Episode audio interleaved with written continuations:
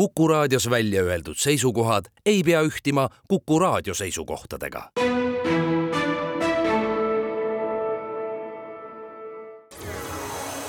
loodusajakiri, vaata ka looduseajakiri.ee tere kõigile teile, head Kuku raadio kuulajad, ilusat õhtu jätku koos meiega. täna on Loodusajakirjas külas Remek Meel, tervist! tere! sa oled aastaid saarmaid uurinud, praegu Tartu Ülikoolis sinu töövaldkonnaks on taastava põllumajanduse teema. mina olen saatejuht Tiia Rööp. me hakkame rääkima aasta loomast, kelleks on saarmas. ajakirja Eesti Loodus jaanuari-veebruari numbris sa annad ülevaate saarmast kui vetehundist. vetehunt annab ette aimu, et saarmas on hea kütt, kas ta sööb ära kõik, kelle ta kätte saab? puudutab ta taimi ka või on ta ainult loomtoiduline? eks ta ikka on loomtoidulisena siia ilma loodud, aga nagu me teame, tavahuntki võib vahepeal heina süüa, kui on vaja, siis saarmas võtab kah vastavat taime mõne lõuatäie, kui on tunne, et on vaja ennast ravida, aga muidu ta on ikka jah, loomtoiduline. ja kõik, kes on temast väiksem ja siputab, see süüakse ära? põhimõtteliselt, et noor saarmas, kellel on kõht väga tühi, võib kasvõi jõe ääres kiriteod sisse nätsutada omale, aga jah, kõik, kes ta veest kätte saab, et putukad, linnud, imetajad, kalad kõik ta ära sööb. kas keegi jahib ka saarmast ennast? kobras elab enam-vähem samas keskkonnas, aga kobras on küll meelepäraseks suutäieks nii mõnelegi loomale ja ka kotkale. mina olen näinud, kuidas kotkas ründab saarmast, merikotkas, alampedjal. aga kuna ma ise filmisin seda samal ajal, siis merikotkas viimasel hetkel märkas inimest ja läks üles-tagasi, muidu oleks võtnud saarma ära jää pealt ja ema pojaga oli tookord seal, et ehk siis nad ikka ilmselt võtavad saarmaid ära. aga vee sees peale merikotka ei ohustu keegi saarmat.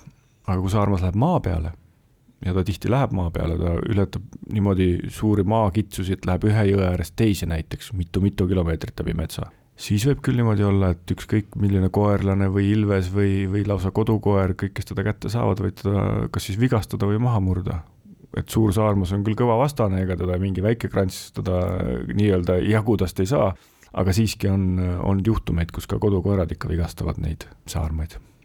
saarmas, kui tal avaneb võimalus, siis ta väiksema kopra võtab õnneks. kuidas neil omavaheline läbisaamine on? kuna nad on täpselt ühe biotoobi loomad, ega nad üksteist ei häiri sinnamaani, kuni saarmas tahab väikse koprapoja ära süüa, aga noh, see on ka niisugune väikene aeg iseenesest, kui see koprapoeg on piisavalt väike esialgu, kui nad hakkavad väljas käima oma pesaurust, nad on väiksed, aga nad kasvavad suhteliselt kiiresti ja siis ei ole sellel kopral saarmast sooja ega külma. aga Saarmaal selle eest on jälle koprast väga palju sooja ja külma, sest kobras ehitab Saarmaale kodusid, kõik kopraurud, kõik koprakuhilad, mis on maha jäetud, kõik on Saarmaale väga heaks varjupaigaks ja pesapaigaks ma ikkagi mitte ainult Saarmast ei räägiks, vaid Koprast ka, sest tõepoolest elukeskkond on neil ju sarnane ja nagu sa ütlesid, kobras on Saarma jaoks väga oluline.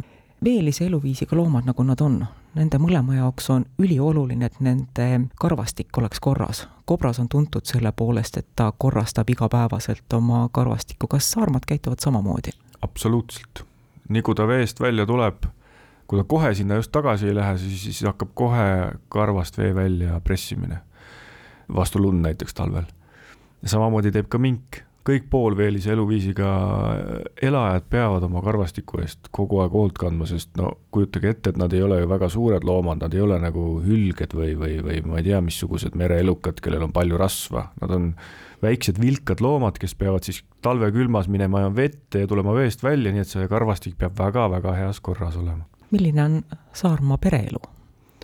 Saarmaal ega väga seda pereelu klassikalises mõttes ju ei ole, et ega isa on ema Saarmaga ainult koos selleks ajaks, kui pannakse uus pesakond nii-öelda siis viljastumisperioodil. aga üleüldiselt äh, on ema ja pojad elavad koos siis isegi vahest kuni kaks aastat, aga enamasti on viisteist, kuusteist kuud pojad emaga koos. juba päris suured on nad, kui nad veel emaga ringi jooksevad, et ema siis valvab ja hoiab neid ja õpetab neid, kust millist kala püüda ja millal õigel ajal urgu minna ja siiski on pereelu, et nad saavad elada koos emaga esimesed elu poolteist aastat. mida isasloomad teevad samal ajal? no isasloomad on oma territooriumil, et tegelikult Saarmaal ongi hästi pikad territooriumid on mööda veekogu Saarmaal, on ju, et maailmas on leitud lausa raadiotelemeetriliste uuringutega, et äh, kas see oli Šotimaal või kuskil sealkandis oli kaheksakümmend kilomeetrit vooluveekogu siis ütleme, kalda äärt ühe Isa-Saarma territoorium. no loomulikult Eestis nad nii pikad ei ole, hea kui kümme kilomeetrit on, keskmiselt võib-olla natuke üle, võib-olla natuke alla, aga Isa-Saarmas elab samal ajal oma territooriumil, kui siis tema territooriumil on ema poegadega näiteks või isegi mitu ema ja poegadega võivad olla ühe isase territooriumil.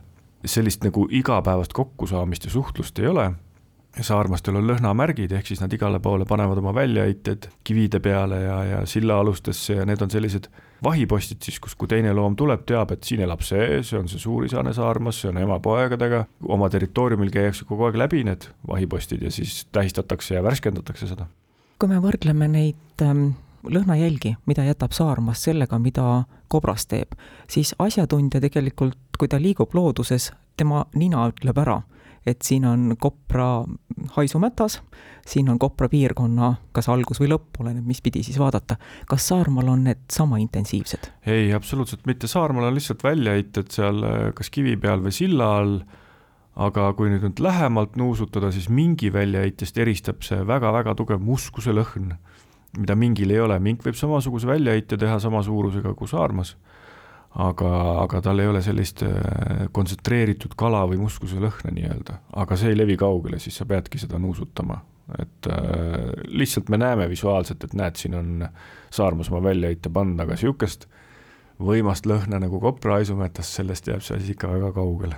kas Saarmaa väljaheited ongi need, mille järgi me seirame Saarmaa? absoluutselt, jäljeread ja väljaheited, aga väljaheited ongi üks põhimisi selliseid objekte, mida vaadelda, sest need säilivad kaua, näiteks silla all võivad nad aastaid olla, lumi ega vesi ega vihm ei juhu neid ära ja, ja me kogu aeg näeme, kas palju neid on seal vanu, värskeid, nii edasi, et see väljaheide on ülihea äh, asi sellele Saarma uurijale, et ta saab väga kiiresti info kätte.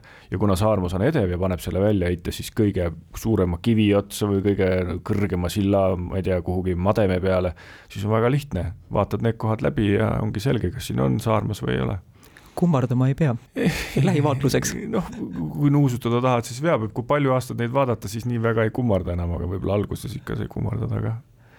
räägime, kuidas Saarmaal läheb. see, et äh, põllumajandus pärast Eesti taasiseseisvumist ähm, suuresti muutus, see tegi Saarmaale head. aga see on hetkeolukord, mis edasi võiks saama hakata nüüd ongi kaks tegurit, et kobras läks üles pärast Vene aja lõppu ja põllumajandus läks alla nüüd on läinud põllumajandus üles ja kobras on läinud alla, ehk siis asjad on Saarmaa jaoks läinud palju kehvemaks. täna on Saarmaaga kõik väga hästi, sest ega need äh, ei muutu üleöö, need veesüsteemide nii-öelda, kogu vee ökosüsteemide mm, muutused käivad aegapisi, kui sinna hakkavad võõrad ained kontsentreeruma. aga mis tulevikus saab, seda tõesti ei tea, kui kopraid jääb veel vähemaks ja põllumajandus läheb veel intensiivsemaks, siis võib hakata ka Saarmaal kehvemini minema kobras on see loom, kes tekitab teistele, sealhulgas ka Saarmaale elupaiku. millest veel sõltub, et Saarmaal oleks kohta, kus elada? no sellest elupaikade kaost ja elupaikade olemasolust sõltubki ja nende kvaliteedist.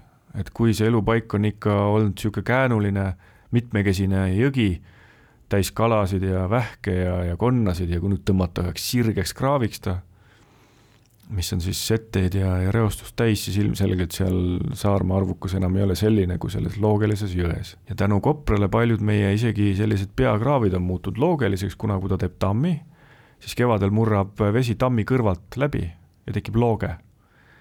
ja niimoodi ma tean täiesti sirgeid vanu kraave, mis on nüüd loogelised tänu Koprale ja ka palju elurikkamad, kui nad ennem olid ja loomulikult, kui viiekümnendatel tehti suur kuivendus äh, ja põllumajandus läks väga intensiivseks, siis need kaks asja kokku olidki Saarmaale hukutavad ja Saarmaad oligi Eestis mõnisada kaheksakümnendate alguses.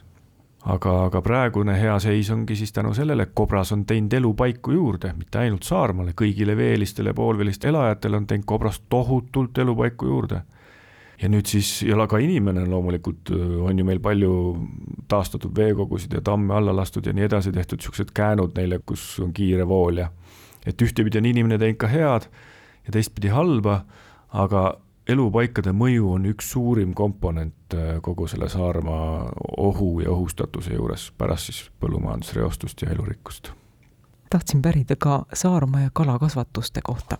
tegelikult on ka ju inimestel kodutiikides omaks lõbuks mitmesuguseid äh, kalu ja ma arvan, et üks tore kalatiik on Saarma jaoks nagu Rootsi laud, tulla ja noppida absoluutselt, et see on nüüd nii, nagu me käiksime mööda metsa kaks päeva ilma söömata ja siis leiaksime külmkapi, mis oleks äh, toitu täis ja uks oleks äh, sulgemata ja silti ka peal ei ole, et sinna ei tohi minna ja loomulikult me ju võtaksime ja sööksime sealt.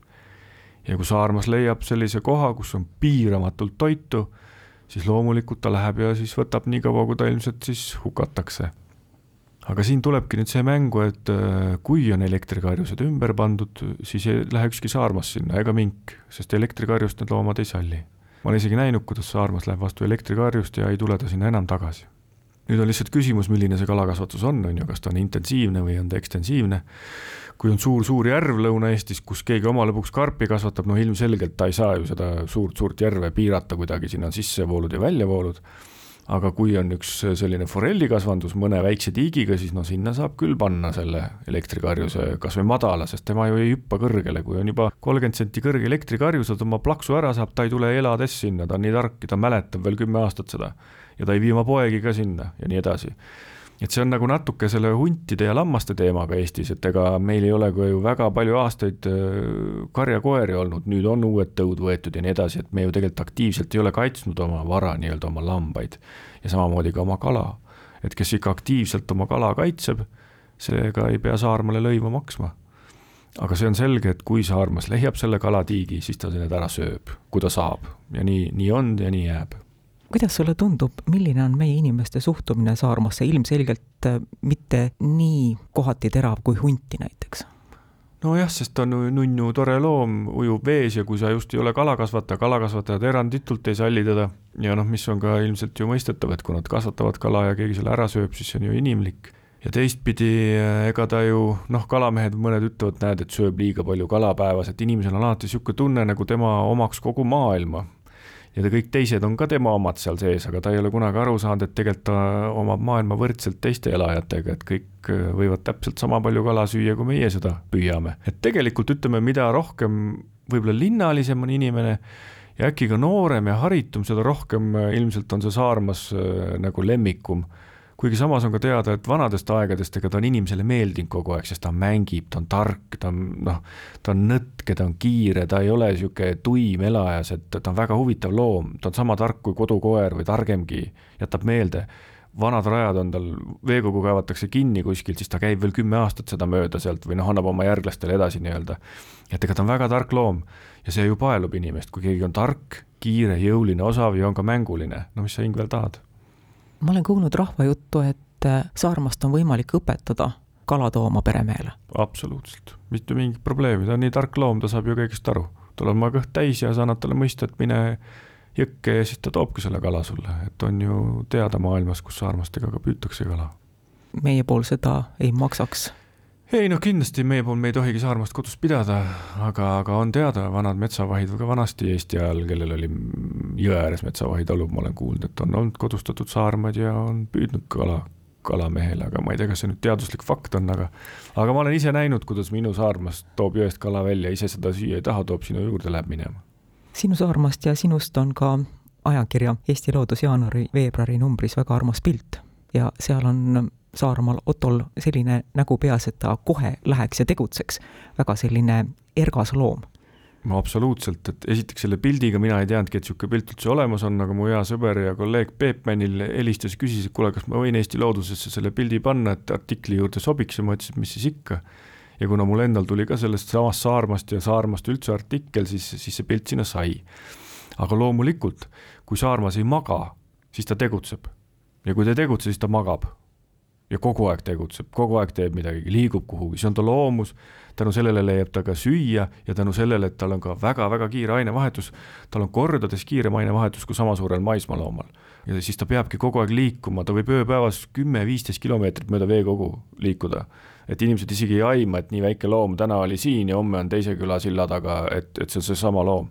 ja see teeb, noh, ta instinktiivselt juba selliseks kiireks, liikuvaks, huvitatud kõigest ja kõigist ja igast praost ja kuhu ta nina ei pista ja ja vee ääres samamoodi, kui ta mööda jõe seda kaldavöödet liigub vee sees, ega ta uurib kõik läbi ja tal on sellised vuntsid nii-öelda, mis on väga tundlikud, et ta on võimeline isegi pisikesed kalad korjama suu sisse ja tooma siis suutäie väiksed kalu ja laskma need jää peale ja hakata ükshaaval neid sööma. mina ei uskunud, et niisugune asi on võimalik, et ta saab mitu kala korraga suhu võtta, noh nii, et ta püüab ka järgmise kala, nii et eelmine suust välja ei lähe. Ja siis paneb suutäie väikeseid kalu jää peale ja sööb nad ära. et noh, see on äh, meistriklass, ma ei tea, kas mu elajas suudab niisugust asja teha, ma ei usu. Aasta loomast Saarmast võiks tunde rääkida, aga saatel on ajalised piirid. Näiteks jäi meil rääkimata, et kui loomariigis kipub reegliks olema, et ühe liigi pojad sünnivad kindlal aastaajal, siis Saarmaal ei ole see nii. aga see on asi, millest saab lugeda ajakirja Eesti Loodus jaanuari-veebruari numbrist saatekülalise artiklist. aitäh, Remek Meel, aitäh kõigile teile, kes te meid kuulasite, üks asi veel Saarma aastal kutsume kõiki osalema vabatahtlikus Saarma seires. nüüd tõesti lõpetame, ilusat õhtut kõigile! loodusajakiri, vaata ka looduseajakiri.ee